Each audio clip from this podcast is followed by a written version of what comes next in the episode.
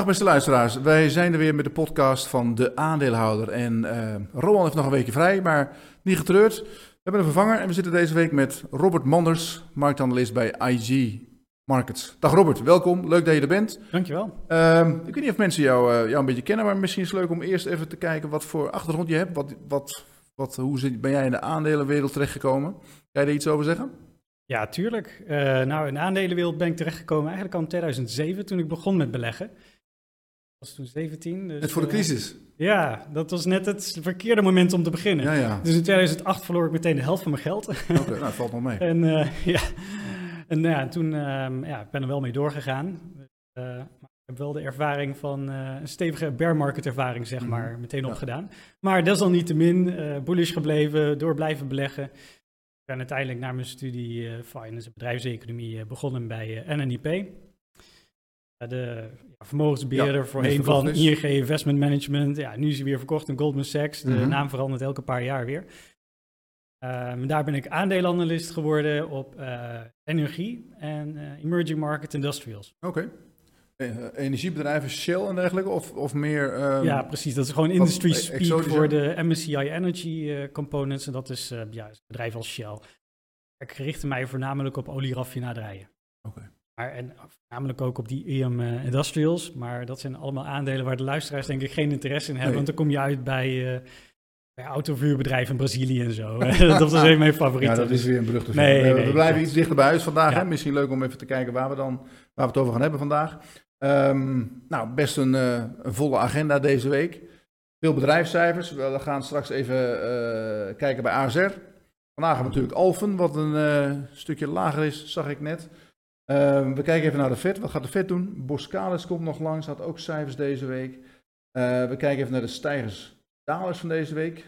SIF en, en Axis zijn dat. En ehm, de Fed natuurlijk, had ik al gezegd. Oh ja, ja de zeker. Die, die op dit moment op uur. vergaderen is. Wat denk je dat eruit komt? Gaan ze de rente verhogen? Nou, ik denk dat dat niets uitkomt. Nee. Een non-event. Ja, ik denk het. Ik denk, Powell, wat ik gezien heb van Jerome Powell, is dat hij de afgelopen eh, maanden eigenlijk vooral bezig is om flexibiliteit te behouden. Ik denk dat hij dat nu ook weer gaat doen. Wat denk jij eigenlijk? Nou, ik, ik vind het wel, kijk, wat, wat, wat heel erg opvalt. Ik weet niet of jij dat een beetje in de gaten houdt met die, met die repo-markt, of wat ze nu noemen de, de reversed repo-markt. Maar er zit gewoon heel veel geld in het systeem en dat zit met name bij de banken. En de banken die kunnen er niks mee. Dat heeft tot gevolg dat, dat eh, als je spaargeld hebt, de bank mijn spaargeld helemaal niet meer wil. Eh, we hadden het net over 2007, 2008. Hè? Toen, toen wilden de banken heel graag ons geld, omdat ze geld moesten hebben, betaalden zelfs 8% erover. Eh, nu moet je hun betalen. Dus er is zoveel geld in omloop bij de banken dat ze het, het spaargeld, de deposito's, die willen ze niet meer. En ehm, dat geld, dat kunnen ze helemaal niet kwijt. Wat, wat er nu gebeurt met die, met die, die reversed repo-markt heet dat, dat, dat de banken hebben overnight geld over en dat stallen ze bij de, de, de Fed. Nou, dat bedrag zie je eigenlijk het hele jaar oplopen. Dat staat nu rond de 1100 miljard dollar. Eh, elke dag is dat bijna ja, een nieuw record. En dat, dat eh, ja, geeft eigenlijk aan dat die banken, die, die kunnen dat geld niet meer kwijt. Die kunnen het niet meer uitlenen. Er, is helemaal geen, geen vraag naar geld. Dat is enerzijds wel logisch, denk ik, als je kijkt hoeveel, hoeveel geld de meeste bedrijven al hebben. Eh, bijvoorbeeld een Google en Apple en, en Facebook, die hoeven geen geld te lenen. Ja, de enige manier waarop ze geld lenen is om eigen aandelen in te kopen. En eh, ja, dat geeft heel veel, eh, eh, eigenlijk overvloed aan geld in het systeem. En de Fed moet daar eigenlijk iets aan doen. Maar ja, of ze dat gaan doen of niet, het- ze zijn natuurlijk als ze dood, dat die markten beginnen te schuiven. Als die rente omhoog gaat. Ja, ja, ik denk dat ze eerder bezorgd zijn wat er gaat gebeuren met de investeringsbereidheid, de economie, de consumptie. Politiek verhaal, denk ik. Hè? Ja, maar de economie loopt goed. Het, eh, ze zijn tekort aan alles. Enorme inhaalvraag van, van eh, heel veel spullen. Iedereen heeft het druk. En maar ja, Jerome Powell die moet ook herkozen worden als eh Fed-voorzitter. Ik denk dat hij, als hij scherp de rente gaat verhogen, echt heel hard gaat taperen, dat er misschien wat meer tegenstand komt uit het linkerdeel van het Amerikaanse congres. Ja, dat zou ook kunnen. Ah, misschien doet hij ja, helemaal Dat is nog ook een persoonlijk risico voor hem. denk. Ja, wat denk je dat ze zover kijken? Ah, ik weet het niet. Zou kunnen. Ik denk dat het wel in zijn achterhoofd zit. Wat ik weet, ik weet het niet. Ik, toch Het- een beetje aan de andere kant, blijft. Niet misschien is het inderdaad gewoon een non-event, wat ik heel vaak doe bij, bij dit soort hele grote events. Hè, want eigenlijk is er nog niks gebeurd op de markt.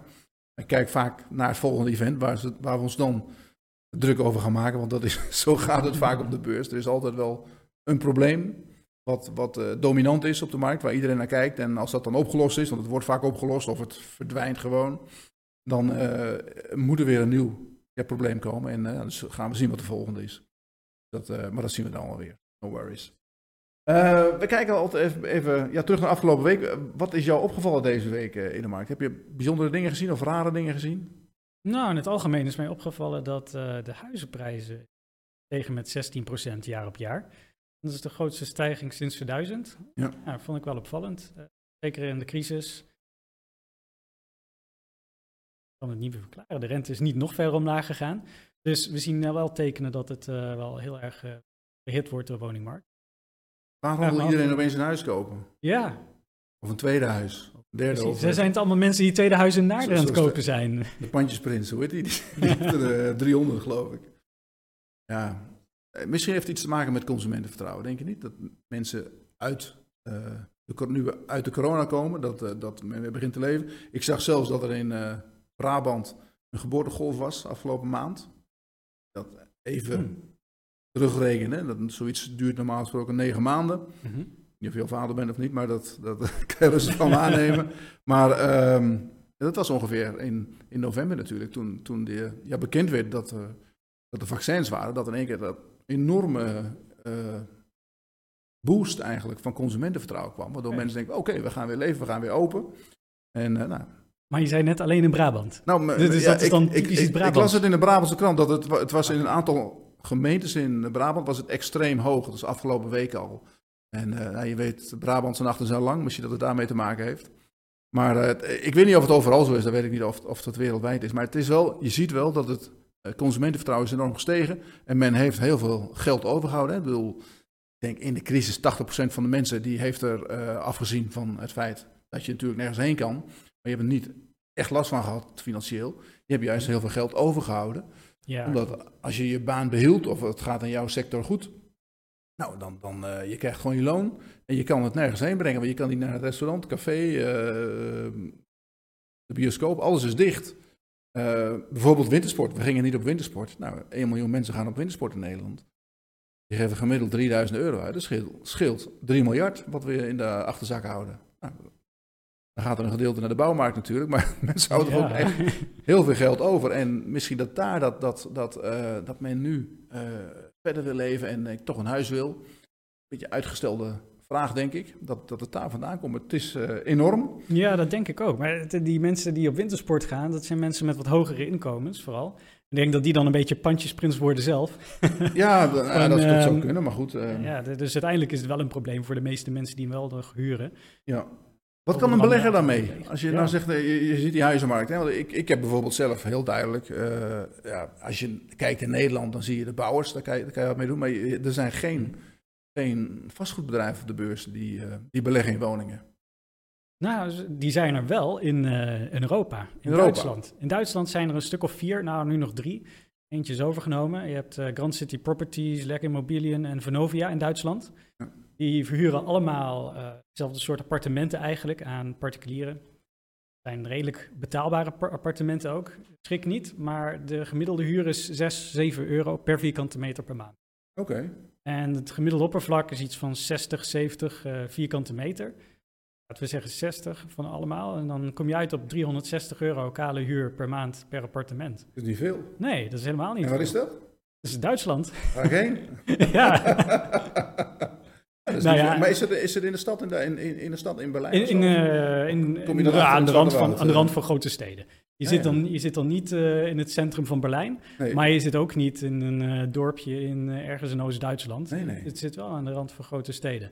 ik moet er wel bij zeggen, en dit heb ik ontdekt toen ik bij NN zat en de vastgoedspecialist, die zei toen tegen mij, ja, je moet niet zo'n property tour gaan doen. Want dan kom je erachter wat voor wijken die, al die appartementen liggen. Uh, het zijn niet de allerbeste wijken trouwens. Nee, nee, nee. Maar het is ongeveer uh, 1000, 2000 euro per vierkante meter. Daarvoor staat het in de boeken. Ja. Maar de huizenprijzen liggen natuurlijk veel hoger, ook daar. Ja, dus er zit dus, eigenlijk nog een behoorlijke upside in. Op ja. het moment dat ze die, die huizen uh, de openbare markt Klopt. En kunnen het, gaan eh, verkopen. klopt. En het is ook nog eens sterk gereguleerd in eh, veel delen van Duitsland, vooral waar al die te liggen. En de rand van grote steden. Ja. En dat drukt de huurprijs. Maar de prijzen die blijven ondertussen wel stijgen. Dus wat die verhuurders doen, is dat ze af en toe, eh, elk jaar eigenlijk, gewoon stukken van hun portefeuille verkopen. Ja. En dan laten ze aan beleggers zien van kijk, dit is het waard. Ja. En dan zie je dat het nou ja, 20, 30, 40 procent eh, meer waard is dan waarvoor het in de boeken staat. Zit er Want- nog een onderwaardering in die beurskoers? Van- ja, dat die- is het grappige. Die, eh, Die beurskoersen zelf staan ook op een discount. Want als je kijkt naar Vonovia, die zit volgens mij, de koers zit op 58, dacht ik vandaag. En de netto vermogenswaarde is 67, 68 per aandeel. Oké. Ja. Dus er zit gewoon 10 euro, 20 procent Ja. ongeveer, eh, zit, er, zit er een korting op. ja, dat is nog niet zoveel als bij het vastgoed in Nederland van die, die winkelcentra. Nee, maar die meer. winkelcentra die worden ook elk jaar minder waard. En Ja. bij Vonovia is dat andersom, dat eh, het vastgoed elk jaar meer waard wordt. Wordt steeds opgewaardeerd, er zit ook een soort van eh, ja, een lag in, hè? een Ja. soort van vertraging. Net als met dat winkelvastgoed. Bij Vonovia zie je inderdaad dat eh, elk jaar het, eh, stijgt het. En dit half jaar, afgelopen half jaar, steeg het weer met 9% jaar op jaar ten opzichte van vorig jaar. Ik denk dat dat nog een understatement is ten opzichte van de echte onderliggende waarde. Maar ja, de, de yield die je erop krijgt, de het dividend is maar 3% het dividendrendement. De huren die zitten ook wel. Ja, Ah, ja. Ja. ze Het, probleem aan die huizenmarkt is dat het gereguleerd is, dus er zijn wachtlijsten voor. Ja, Dat is het. ja, ze zouden eigenlijk de huren omhoog moeten gooien, maar dat, dat mag dus niet. En dat, dat wordt waarschijnlijk alleen maar erger, want hoe hoger de woningnood, hoe meer roep er komt om regulering van die, eh, van die woningmarkt. Maar goed, maar zich- het, het Kijk, 3% interessante is is natuurlijk niet gek, hè? Als jij, Nee, jij ja. eh, een half procent boeterente moet betalen. En je krijgt 3% en het stijgt in waarde. Dat is natuurlijk wel fijn. Maar het meest interessante vind ik nog wel aan die markt is dat er een eh, inflatiebescherming in zit. Want ze kunnen natuurlijk wel de huren verhogen met inflatie. Ja. En als je scenario is dat de rente heel lang laag blijft, inflatie omhoog gaat, dan is het denk ik een hele interessante sector. Ja. Nou, ik, ik, ik ga er meteen kopen straks, Robert.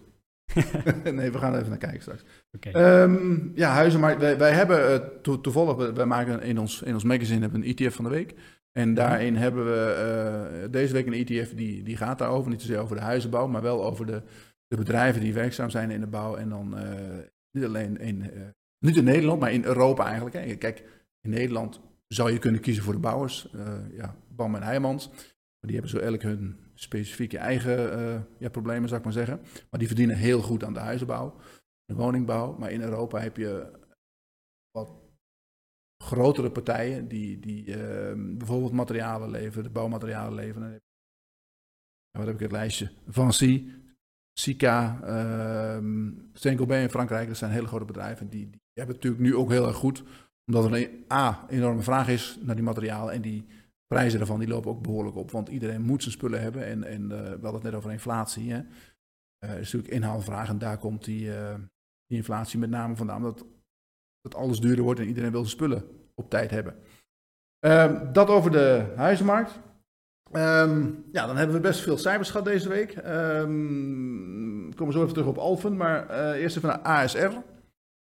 ASR de verzekeraar, ASR Nederland. Hele mooie cijfers eigenlijk, werd ook goed beloond. Koers liep op naar eh, vandaag 40 euro zelfs. Of zelfs, dat heeft er wel eerder gestaan. Maar eh, ja, het is toch aardig opgelopen afgelopen twee, drie maanden. Jij hebt aandelen ASR, heb ik begrepen. Ja, dat heb ik ooit. eh, Was dit voor jou reden om eh, positie uit te breiden of eh, te verkopen? Wat, wat zeg je van nou?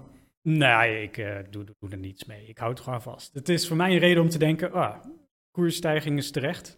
Dus mijn, in mijn hoofd stijgt de fair value mee met, eh, met het aandeel eigenlijk. Ja. Dus eh, ja, ik vind het wel goed zo. Als het nog op de koers zou staan waarvoor ik het had gekocht, had ik wellicht bijgekocht. Zo feest is het helaas niet. Welk, welk niveau was dat ongeveer? Weet je dat nog?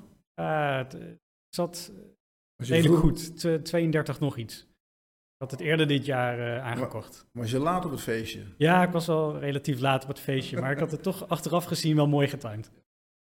Maar wel- ik eh, ben sowieso wel fan van verzekeraars hoor. Van het, nou niet per se van het bedrijfsmodel. Het is verschrikkelijk natuurlijk lage rente. In droogbrood mee te verdienen, maar wel een interessante sector waar ik toevallig wat van weet.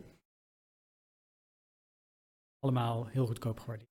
Ja, ja nou, nog steeds goedkoper. Want ik herinner me nog dat ASR naar de beurs ging.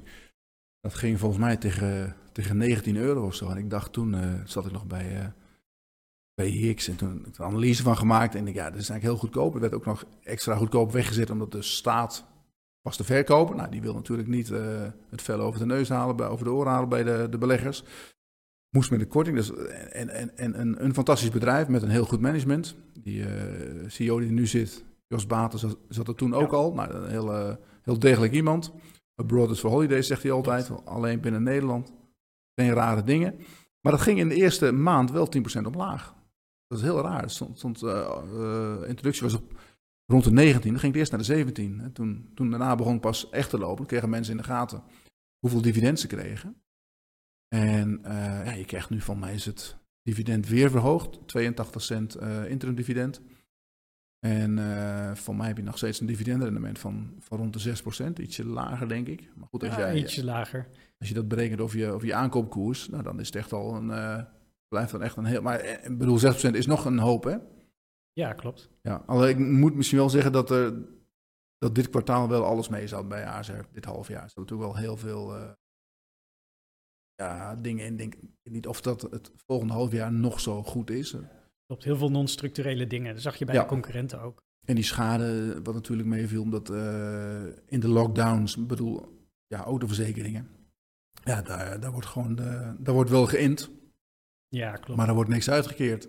Ja, die, die claims die gaan het komende half jaar, komende jaar wel omhoog. Ja, dat zal iets minder worden. Ze hebben de, de wateroverlast in Limburg, komt er nog aan. Maar dat viel mij trouwens mee. Dat was ja. begroot tussen de 20 en 30 miljoen. Ik, als ik die beelden zag, denk ik, dat gaat echt heel veel geld kosten. Maar uh, ja, kennelijk is of heel veel niet verzekerd, of heel veel is, valt niet onder hun scope. Ik neem aan de, de schade aan de, de, de rivieren, de wegen al, daar hebben zij natuurlijk geen last van. Ze hebben meer de, de woonhuizen en de bedrijven misschien die ze, moeten, die ze moeten vergoeden. En de rest komt op het bordje van de overheid. Ja, ik uh, dacht er eerder zo over na. De, het, het Nederlandse Verbond van Verzekeraars zei in, uh, toen dat net gebeurde, zeiden ja, dit gaat een uh, veelvoud van 10 miljoen worden, zoiets. Tientallen miljoenen. Ja. En toen dacht ik, ja, oké. Okay. Valkenburg hoorde ik dat de schade 400 miljoen was. En dan weet je ook van een deel van de schade, die, uh, die is niet verzekerd, een groot deel. Een groot deel komt door de rivier, door de Maas. Ja. Dat is ook niet verzekerd. Nee. Dus dan wordt het aandeel dat verzekerd is steeds kleiner. Dus toen kwam ik op een grove schatting uit 150 miljoen. En uh, ASR heeft een marktendeel van uh, 16% binnen schade in Nederland. Daar kwam ik uit op 24 miljoen toen. Ja, met 20 tot 30 miljoen zit het er. Dus ik Ja. dacht, ja, En zij hebben geen last natuurlijk. Dat- En dat scheelt enorm, hè? Dat, dat, ze, dat, ze, dat ze nu niet in het buitenland zitten. Dus eh, de schade in België en Duitsland, die is voor iemand anders. ja, Ja, dat ik zag bij. NN Groep was het 70 miljoen. Eh, die zit natuurlijk wel over de grens. Ja. Dus eh, dan eh, ja, tikt er ook wat mee aan. Maar al met al, als je ziet eh, met, met wat er dan gebeurd is, valt het nog mee, denk ik. Ja, maar je, moet het ook, ja, maar je moet het ook zo zien. Het is positief voor verzekeraars als zo'n ramp met veel PR, zeg maar, zich voordoet. Heel Nederland heeft die ramp gezien. Iedereen denkt, oh jee, dit is vreselijk. Dit, ik wil niet dat dit mij gebeurt. Nee. En vooral in Nederland was de focus op de materiële schade. Gelukkig is er niemand eh, overleden. Eh, dus dan zit dat echt in de hoofden van mensen. En die gaan dan denken, misschien moet ik mij ook verzekeren. Ja. In het geval zoiets gebeurt. En dan komt het hele klimaatverandering verhaal erbij. En dan denken mensen, oh, dat kan misschien ook hier gebeuren door klimaatverandering. Dus er worden er veel meer verzekeringen afgesloten. Daarnaast passen al die verzekeraars hun modellen aan. Door de prijs mogen gaan. En dat zag je ook na Katrina in de VS. Nog erger ramp. Dat daarna de prijzen van verzekeringen omhoog gingen. Ik denk dat dit per saldo makkelijk positief kan uitpakken voor ASR en consumenten. Ja. Nou, laten we het hopen. Laten we het hopen, want eh gaat het goed. Ehm, ja, ASR. Dan hebben we Alphen. Die werden minder goed ontvangen vandaag op de beurs. Heb je daar een gevoel bij, bij, bij Alphen? Ja, ik heb het Elektriciteit. bekeken. En het is, zo ja, je, je twitterde al acht keer de omzet. En toen ging ik zelf eens even rekenen. En toen kwam ik op eh 80 keer de EV-EBIT uit. En toen dacht ik zo, Ja. hoe vaak moet die EV-EBIT dan verdubbelen totdat het op een normaal niveau is? En eh, ja, die, hoe moet, vaak moet de EBIT dan verdubbelen? En, ja, ik weet het niet. Nee. Dit, wordt, dit is eh, wat mij betreft een wel speculatief verhaal. Dus Ja, nou ja, ik, ik, ik, ik, moet zeggen, ik, ik, ik maak me af, maar maak er geen zorgen over. Maar ik vind het wel apart dat het zo eh, hoog gewaardeerd is. Gisteren ging het door de 100 euro. En, eh, maar wat ik, dat is allemaal grappig, hè? het is natuurlijk echt een ESG-aandeel. Het, het, het, eh, we noemen dat tikt op alle boxen, zeg maar. Dat het, uh, ja, het past helemaal in het plaatje van de, de nieuwe belegger, groene belegger. Hm. En ehm, wat ik hoorde van, ik weet niet wie, dat zei, bij een of andere bank, daar, werd, die, daar vertelde iemand van de trading desk, die vertelde van, ja, wij worden gebeld door buitenlandse partijen, fondsbeheerders. En die vragen dan, wat is in Nederland een, een, een, een groen aandeel? Welk aandeel moet ik hebben daar? Nou, en dan roepen ze Alfen. die zit dan in een pakketje en die, dat wordt gewoon structureel gekocht. Er, is gewoon heel veel vraag naar het aandeel. En niet specifiek Alfen aandeel, maar het, de, er is heel veel vraag naar de aandelen categorie. Nou, en dat, dat, dat gaat via ETF's en fondsen, beleggingsfondsen, komt dat geld de markt in. En dat, dat zoekt die aan en dat vreet die aandelen op. En uh, wat je bij Alfen heel erg ziet, is dat het één keer in de drie maanden, dan komen de cijfers. En dan gaan mensen weer een beetje nadenken, hè, de, de, markt. En dan, nou, dan gaat het, dat was de vorige keer ook zo. Toen ging het geloof ik van de, 75 naar de 60. En nu gaat het van de, de 103 en nou, dat zal nu wel richting 85 gaan of 80, weet ik veel. En dan, dan is uh, eh, 80 nog niet uh, goedkoop natuurlijk. Maar uh, je weet dat die stroom aan geld, dat, die blijft gewoon gaan. Want mensen willen beleggen in groene fondsen. En nou ja, dat, dat, die, die fondsen hebben, die aandelen hebben gewoon een extra premie. Nou, dat wordt gewoon betaald. Dus, dus uiteindelijk, ik denk als het een weekje rustig is, dan zal het wel weer op gaan lopen. Maar, uh, maar goed, eh, kijk, aan de andere kant is dit geen bedrijf. Ze hebben echt omzet, dus ze maken winst. Nog niet zoveel. Ik, ik uh, wacht voor dit jaar dat ze, weet ik veel, 80, 90 cent per aandeel gaan verdienen dit jaar. Maar dat gaat wel stijgen natuurlijk, want um, de business waar ze in zitten, die, die doet het heel erg goed. Um, nou, die laadpalen, daar is heel veel vraag naar. Of je al een elektrische auto hebt, maar dat, dat gaat er allemaal aankomen. We moeten er allemaal aan geloven straks. Bijvoorbeeld hebben we de Formule 1, maar daarna wordt het elektrisch. dat, dat gaat gewoon gaat gebeuren. En de, ja, dat, de groei van dit bedrijf gaat gewoon al jaren door met 30, 40 procent per jaar. En dan kom je uiteindelijk wel een keer ergens uit. Dus ik denk 2023, 24, 25 kom je op misschien 2, 2,5 euro per aandeel. Nou, dan lijkt het toch al wat anders betaal je nog 40 keer de winst, of uh, ja, 35 keer de winst, laat ik maar zeggen. En als het dan nog steeds de groeipercentages heeft die ze nu hebben, viel nu een klein beetje tegen. Dat het eerste half jaar van 28 procent, eh, terwijl ze bij de, de IPO gezegd hadden, we ja, vanuit van 40 procent jaar op jaar. Uh, maar goed, door de, de, corona hebben ze wel een klein beetje last. En uh, dan komt het uiteindelijk wel een keer daar terecht denk ik. Maar ja, dan, dan, dan ben je misschien zes, zeven jaar verder. Voor je, dat, voor je een analist kan zeggen, dit is een normale waardering. Nou, en, dan, en dan moet er natuurlijk niks misgaan onderweg. Ja, en dan... Stel, er komt een hele grote concurrent, die maakt die dingen twee keer zo snel en twee keer zo goedkoop. Uh, ja, dan... Uh, Daar zou ik bang voor zijn, inderdaad. Dan heb je dat ook nog. Want het is niet een... Ik hoor wel trouwens dat die dingen van hun heel goed zijn. Maar uh, ja, ze zijn natuurlijk niet de enige die laadpalen maken. En wel een beetje echte schaalgrootte nodig om ze nog goedkoper te kunnen aanbieden. Maar goed, als ik hun was, zou ik heel snel eh, aandelen uitgeven op dit niveau. Zoveel mogelijk. Dan heb je geld binnen en dan neem je je concurrent over. Zou je dat uh, een jaar geleden ook gezegd hebben? Nou, uh, ik wel trouwens. Sterker nog, ze, een jaar geleden hebben ze het gedaan. Hè. Ze hebben op dacht 29 euro voor het laatst aandelen uitgegeven. Er kwamen er 1,7 miljoen aandelen bij of zo. En dat, nu, ze hebben nu nog een kaspositie van, van, van een kleine 30 miljoen. Maar ik denk, ja, als jij ziet, kijk, misschien heb je het geld niet nodig, maar als je ziet dat, dat je beurskoers heel goed ligt, echt overgewaardeerd is, nou, zullen ze daar misschien zelf anders over denken, maar aan de andere kant, uh, het management heeft al zijn aandelen als een beetje verpatst. Ik geloof dat de CFO, las ik, die had 50 euro gemaakt. Nou, die zal toch ook wel nu een beetje achter zijn oren staan te krabben van, uh, wat, wat doe je dan op 100 euro? Maar um, je kan natuurlijk, het is een beetje het spelletje van, van het oude Ahold. Ahold had vroeger ook een echt hoge koers. Heb ik het over de jaren 2000 en daarvoor stond Ahold, stond, weet precies maar, laten we zeggen 25 keer de winst of 30 keer de winst. Voor de boekhoudfraude zeg ja, maar. Ja, voor de boekhoudfraude. En wat, wat die deed, die, die namen iedere keer andere bedrijven over. En dan gaven ze weer aandelen uit. Nou, die aandelen werden ja, mooi geplaatst in de markt. En dan, uh, dan kochten ze een bedrijf dat laten we zeggen, 12 keer de winst stond. En ze gaven aandelen uit op 25 keer de winst, eigen aandeel. Nou, dat gaat natuurlijk heel erg hard. Dan gaat je winst wel steeds uh, heel mooi omhoog.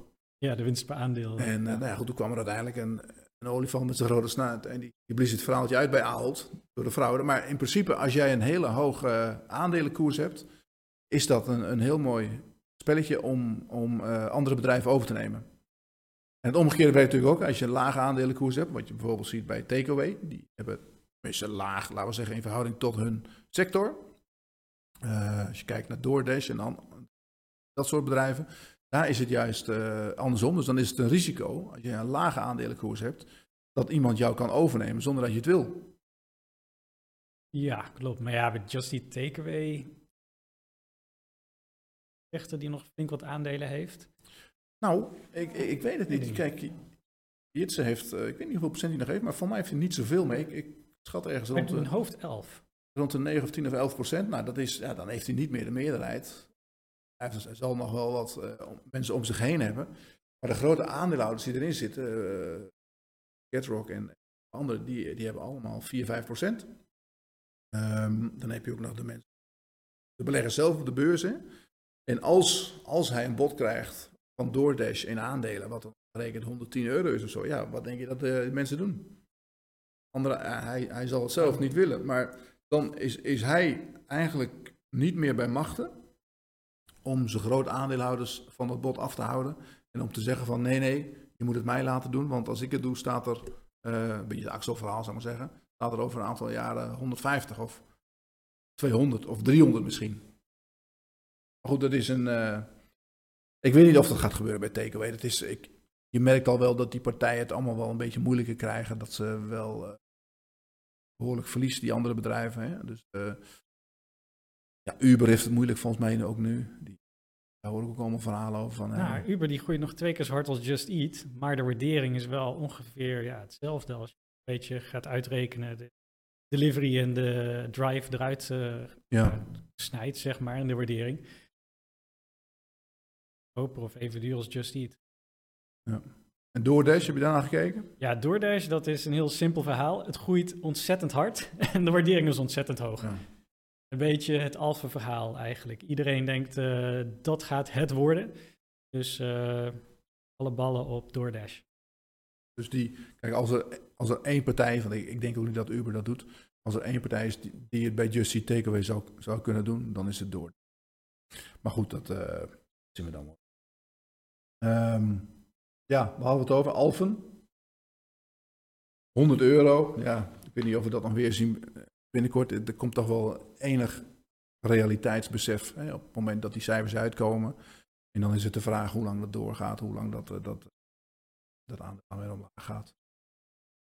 Maar voor een, uh, ik ken weinig analisten die daar een koers op hebben wat, wat in de buurt van 100 euro staat. Dus het, normaal gesproken zou het 60, 70 euro en dan is het echt heel, heel mooi geprijsd.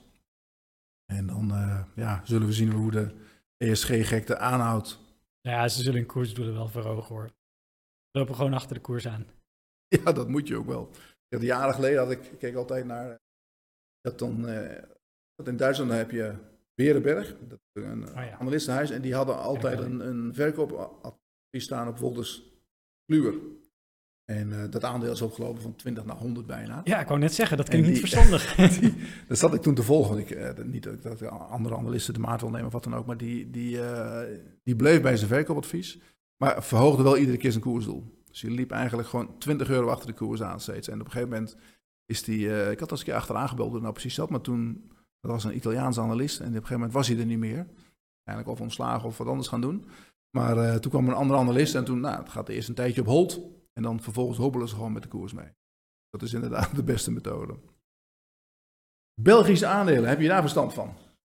Nou, ik heb verstand van ABN InBev en uh, daar blijft het bij. Dan moet je maandagavond even kijken, Robert.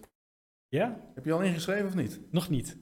Maandagavond houden wij hier bij de aandeelhouder in dezelfde ruimte waar jij nu zit, hè, live hier, uh, houden een webinar, organiseren we hier vandaan, met een Belgische aandelenspecialist, Stefan, uh, Stefan Kastelein, pro bij Pro Beleggen. Um, en die heeft daar, houdt daar een portefeuille bij met alleen maar Belgische aandelen. En uh, nou ja, ik ben zelf ook een liefhebber van de Belgische markt, ook van de Belgische biertjes en de frietjes. Ik heb zelfs een Belgische vriendin, Ah, maar uh, we gaan kijken naar die Belgische markt en we gaan tien aandelen selecteren. Tien Belgische aandelen uh, waarvan wij denken, zeggen, die op dit moment ja, koopwaardig zijn. Dus ik zou daar jou van harte uitnodigen om je aan te melden via het linkje. En dan kan je maandagavond kijken. Er is toch niks anders op tv? Ik bedoel, voetbal en kijken niet, neem ik aan. Nee, precies. Dus leuk. Ik, ik ga kijken. dat is leuk. Net toen ik hem haalde, zei hij nog in auto dat hij vooral Veronica en site kijkt. maar nu opeens niet meer, maar dat maakt niet uit. Dat kan je ook gewoon opnemen trouwens. Nee, precies. Ik kijk het namelijk niet live. Ik kijk het altijd op YouTube. Uitgesteld, oké. Ja, je kijkt die korte fragmentjes. Ja, precies. En daar kijk ik er heel veel van, waardoor ik het uiteindelijk net zo goed een normale uitzending had kunnen kijken. maar ja, inderdaad. Ja, ik neem het meestal op en dan kijk ik het uitgesteld. Dan heb je die reclame allemaal niet. Uh, dat kan je nou, dat is ook handig. Dan moet je wel uh, moet je bij de, de, KPN zitten volgens mij. Maar goed, dus maandagavond 8 uur, Belgische aandelen. En we selecteerden 10. AB InBev zit daar. Ja, ik ga eigenlijk nog niet, niks, okay, niks, verklappen of die erbij zit of niet. Zou je hem erbij doen? Je zou hem er zeker bij doen natuurlijk, AB InBev. Nou, een half jaar geleden niet. De waardering is wel teruggelopen, misschien wel. Staat er nu 51 euro of zo, hè? Ja. Je hebt ook wel een tik gehad, zeg. Die kwam ook van de 100 volgens mij. Ja, klopt. En we hebben het behoorlijk slecht gedaan, de beurs. In tegenstelling tot Heineken en Carlsberg, wat de ja, Europese concurrenten zijn waarmee ik gelijk. Ja.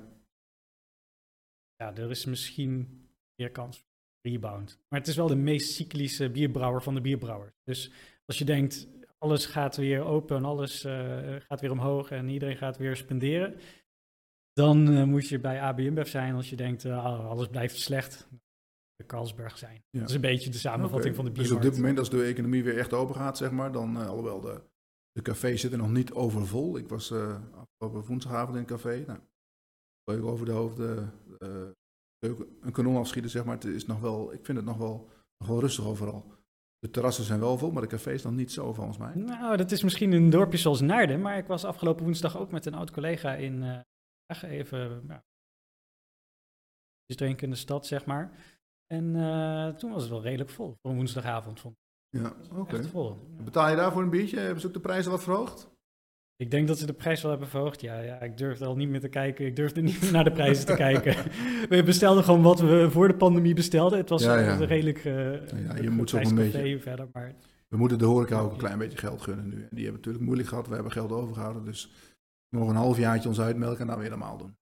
Nou, ik laten we het hopen dat het daarbij blijft dan.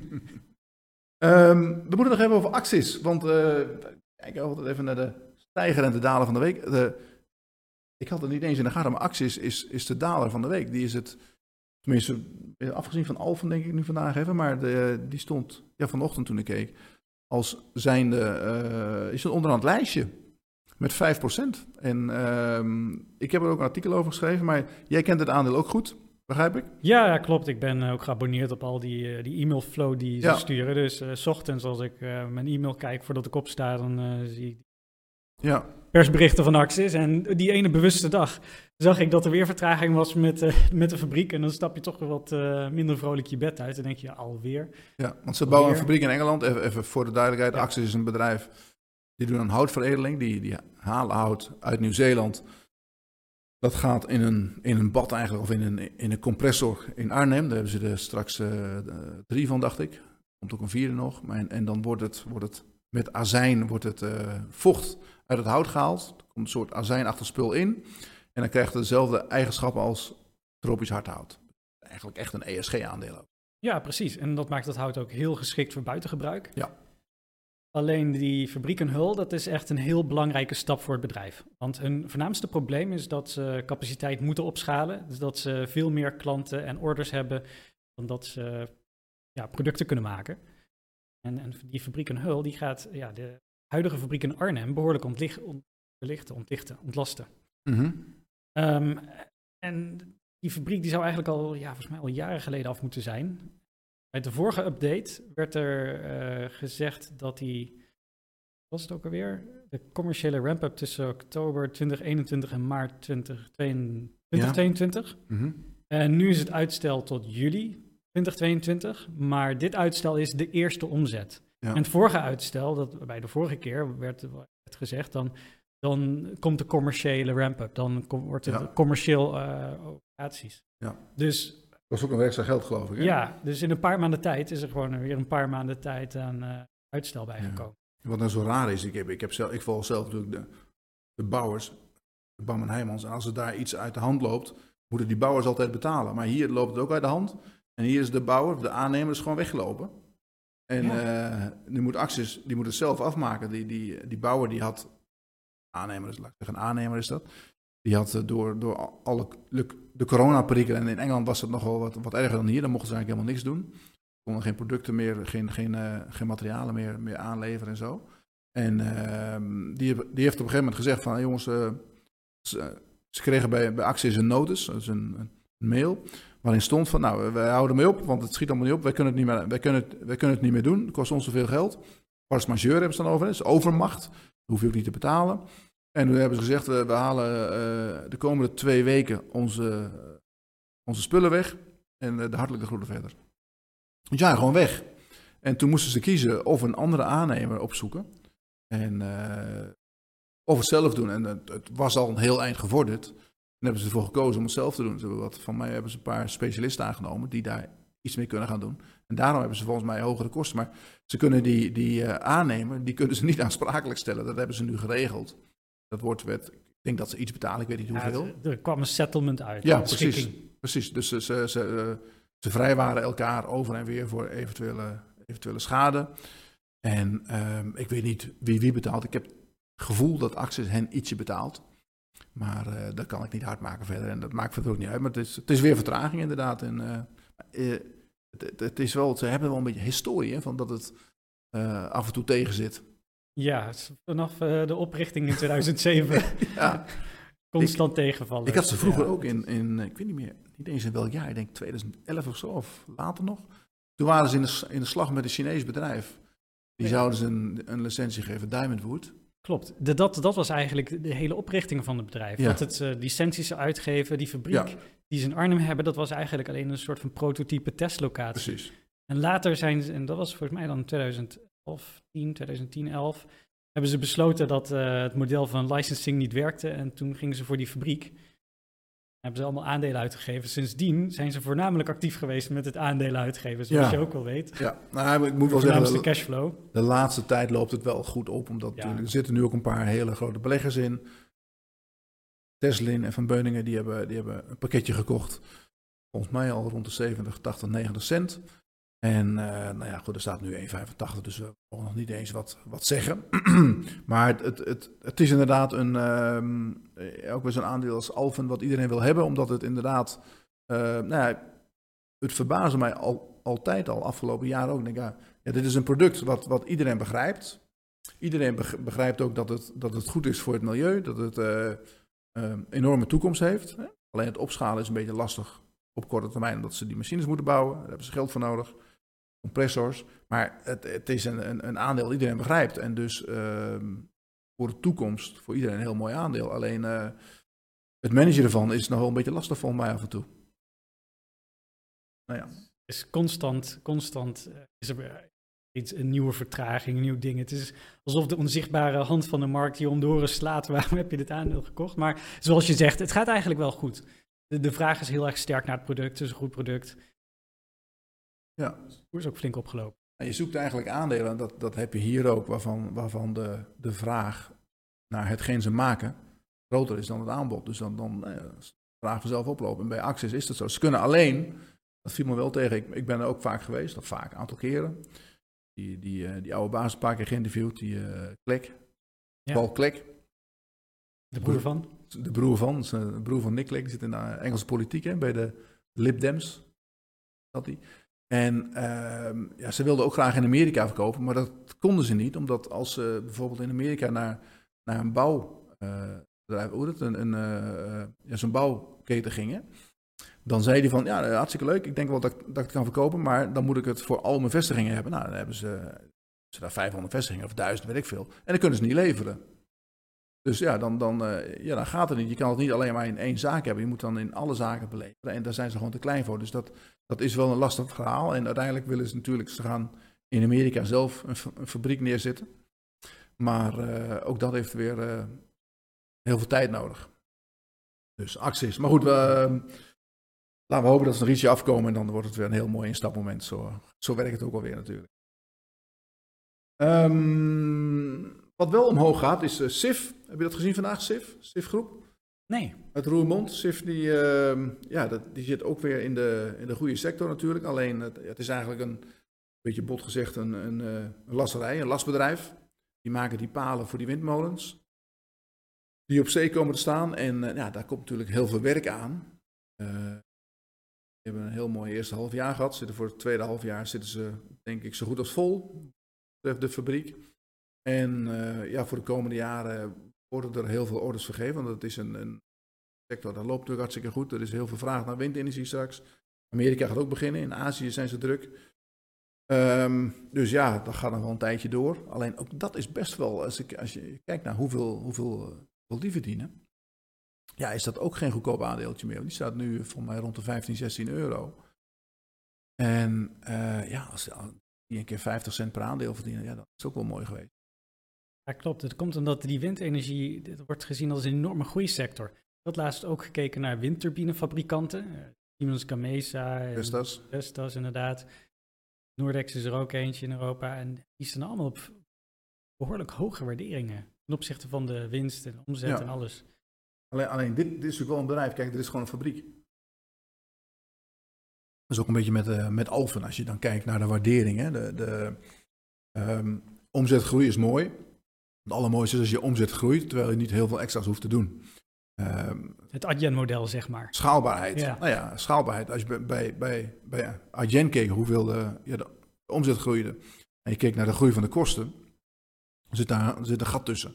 Maar bijvoorbeeld een fabriek, een bedrijf dat wat maakt, die, die moeten steeds weer materiaal inkopen. Die moeten steeds weer, uh, moet een mannetje dat werk doen. Dus dat is niet, dat is wel schaalbaar natuurlijk, maar niet, niet in die zin dat het, dat, het, dat het hard over de kop gaat. Ja. Dus je moet steeds, um, als er heel veel werk binnenkomt bij SIF, op een gegeven moment moeten zeggen, ja, sorry, we zitten vol. Of ze moeten uitbreiden. Nou, dan krijgen we dat ze, uh, die fabrieken gaan vaak uitbreiden op het moment dat het druk is. Dan hebben ze twee jaar later de boel staan en dan is het minder druk. Dus dan kom je ook in die, in die varkensziektes uh, ja, terecht. En dat is best wel een, een risicootje. En daarom is, is voor ja, bedrijven in de maaksector zijn die waarderingen nooit zo extreem hoog. Omdat die leverage er gewoon niet is. Ja. Maar goed, het, is, uh, in de windhoek gaat het natuurlijk heel erg goed. Want er komt uh, steeds nieuwe orders binnenwaaien, zou ik maar zeggen. Um, nou, SIF. Um, dan hebben we volgende week de Formule 1. Ben je een autoliefhebber? Een raceliefhebber of niet? Totaal niet. Of uh, ben je, heb, je, helemaal niks mee? Nou, ik heb er niet zoveel mee, maar uh, een collega van ons is er wel bij met een paar klanten. Serieus? Ja. Okay, leuk. Uh, ik ga er toevallig ook heen, één dagje, maar niet zo heel erg lief hebben, maar ik vind het leuk om even, even rond te kijken. We, uh, de naamgever van het, uh, het circuit, ken, ken, je die toevallig? Nee, die ken ik niet. Het, want het circuit heeft een nieuwe naam, dat heet het cm.com circuit. En cm.com, dat, wat ik maak nu een brugje naar onze, ons magazine dit weekend. Uh, daar hebben we een uitgebreid artikel over. CM, die is, dat is de, uh, ja, de sponsor van uh, het circuit. En ook van de Formule 1. Ze, ze, regelen ook de achterkant. Dus ticketing, dat doen ze allemaal. Dat is een business natuurlijk. En die, die zullen daar de komende week heel veel exposure mee krijgen, denk ik. En nou ja, ook een heel mooi aandeel. Ook opgelopen van een tientje naar, we hadden het net over Alphen. Alphen is van tientje naar 100 euro gegaan. Maar CM is ook hard op weg. Die zijn ook begonnen op een tientje en staan nu op 40. Dus wie weet, uh, wie weet komt dat uh, vanzelf hoger op. Um, dus even kijken. Ja, ik denk dat we bijna de onze tijd heen zitten. Ik vond het leuk dat je er was. Um, Het was leuk om er te zijn. Ja, nou, laten we dat vaker doen. Je mag, uh, gaat één keer in de maand aanschuiven, is de bedoeling. Nou, dat gaan we doen. Leuk. We gaan wat meer variatie in onze podcast maken. Er komen van allerlei mensen langs. Um, hartelijk dank daarvoor. Wij gaan nog even afsluiten, maar niet zonder te vertellen wat er in, het, in ons magazine komt deze week. Uh, nou, een aantal namen heb je natuurlijk al gehoord. ASR komt langs. Um, Axis gaan we het over hebben. CM.com, achtergrondartikel. De ETF van de week gaat over bouwmaterialen. We kijken naar Boskalis. Heb het nog niet over gehad eigenlijk. Boskalis, heb je de cijfers gezien van Boskalis van de week? Ja, ik heb ze wel gezien, maar dat, dat gaat het ene oog in het andere ja, oog uit. Nou ja, dat, dat, ook, uh... ook, hier krijgen we weer, weer te maken met climate change. Hè? Die gaat ook hele goede jaren tegemoet, tenminste dat hopen ze. En dat verwachten ze we ook wel een beetje, omdat uh, ja, er komt heel veel werk aan. De dijken moeten worden opgehoogd. En uh, ze hebben nu, de afgelopen jaren was het een beetje kloot, omdat de tarieven lagen heel erg onder druk. Er was weinig werk, maar goed, nu hebben ze een hele goede orde te pakken in de Filipijnen, waardoor veel van hun schepen, ehm, die zijn bezet de komende, de komende jaren. En uh, dat betekent dat ze een beetje rustiger aan kunnen doen met het verhuren van de overige schepen. Dus je kan gewoon je prijzen wat opschroeven, omdat uh, zie je ook in de markt dat de hele sector die heeft het ietsje beter. En uh, ja, dat de echte kaalslag is daar nu wel geweest. En er gaan de komende jaren waarschijnlijk tarieven voor de, de inhuren van die schepen en de mensen gewoon omhoog, waardoor ze een echt hogere winst kunnen laten zien bij niet eens zoveel hogere omzet. Een stukje echte Hollands glorie, Boskalis. Qua aandeel, als je nu kijkt naar de, de winst per aandeel, niet heel goedkoop. Uh, maar omdat de komende jaren de, de, omhoog gaan, verwacht ik daar wordt het al. Is die verhoging dan ook duurzaam, Nico? Van die dijken? Nou, die verhoging van die tarieven bedoel ik. ja, dat moet blijken. Kijk, Laten we de, van de dijken nee, wel hopen. Ja, het gaat altijd een beetje op en neer. Ze hebben hele goede jaren gehad in 2014, 15. Met bijvoorbeeld uitdieping van het Suezkanaal. Ik moet wel erbij zeggen dat Boskalis is, uh, in tegenstelling tot de bouwers in Nederland, die hebben de boel wel heel goed onder controle. Dus de projecten die ze aannemen lopen niet of nauwelijks uit de hand. Vaak maken ze ook wel een, een winst op die, die projecten. Suezkanaal in 2015 was dat, daar hebben ze heel goed op verdiend. Um, maar goed, kijk, je weet natuurlijk nooit hoe het loopt. Hè, maar wat er nu aan zit te komen, we zien overal, ja, maar ook Azië en Europa, er gaat geïnvesteerd worden. Uh, er is opeens weer geld genoeg. Um, de, de, regeringen gaan investeren in onder andere dit soort dingen. Want ja, je ziet met die, die watersnoodrampen in de afgelopen maanden, ja, daar worden mensen toch een beetje zenuwachtig van. Beslissingsproces bij de, de, de overheden, ja, die wordt wel een stukje makkelijker. Want die zeggen van, ja, we moeten hier gewoon geld in investeren. Nou, dan kom je vanzelf bij dit soort bedrijven terecht. Ja, en het, dus het ook in het thema van klimaatverandering. En dan kom je al snel uit bij een redelijk klein groepje bedrijven zoals Bosca. Die ja. capaciteit hebben. En dan gaat de prijs van die capaciteit natuurlijk. Ja, dat is, dat is een beetje het idee. Ik bedoel, concurrentie ah, okay, is er altijd, maar er zijn in die markt maar een paar die echt heel goed zijn. Hè. Er mm -hmm. is ook veel Chinese concurrentie, maar ja, die worden dan weer niet in Europa ingehuurd. Bijvoorbeeld in Azië, als het echt moeilijk is, zoals met die plus op de Filipijnen. Ja, dan moeten ze ook concurreren met, met Chinese partijen. Maar die kiezen dan toch voor Boskalis. Ja, ja, zoals ze in eh, Amerika altijd zeggen, a rising tide lifts all boats. Ja. nou, laten we dat dan ook hopen voor Boskalis. Ja, dat zal zeker gebeuren. Oké, okay, nou, wij gaan afsluiten. Dus um, maandagavond, niet vergeten, 8 uur. Ook geldt ook voor jou, Belgische ja, aandelen. Ben erbij. Gaan we kijken of AB InBev erbij zit. Uh, voor mij zit er in ieder geval dit weekend bij. een biertje halen zaterdagavond. Een leffe of een afvlieger, wat van hen is, dat weet ik ook niet. Maar goed, maandagavond 8 uur. Belgische aandelen. En dan uh, gaan we afsluiten. Dank voor het luisteren. Robert, jij bedankt en tot ziens. Bedankt, tot ziens. Disclaimer. 70% van de retailbeleggers leidt verlies op de handel in CFD's met deze aanbieder. Het is belangrijk dat u nagaat of u zich het hoge risico op verlies kunt permitteren. Turbo-certificaten en opties zijn complexe financiële instrumenten. Uw vermogen loopt risico. De inhoud van deze podcast bevat geen beleggingsadvies of beleggingsaanbod en dient ook niet als zodanig opgevat te worden.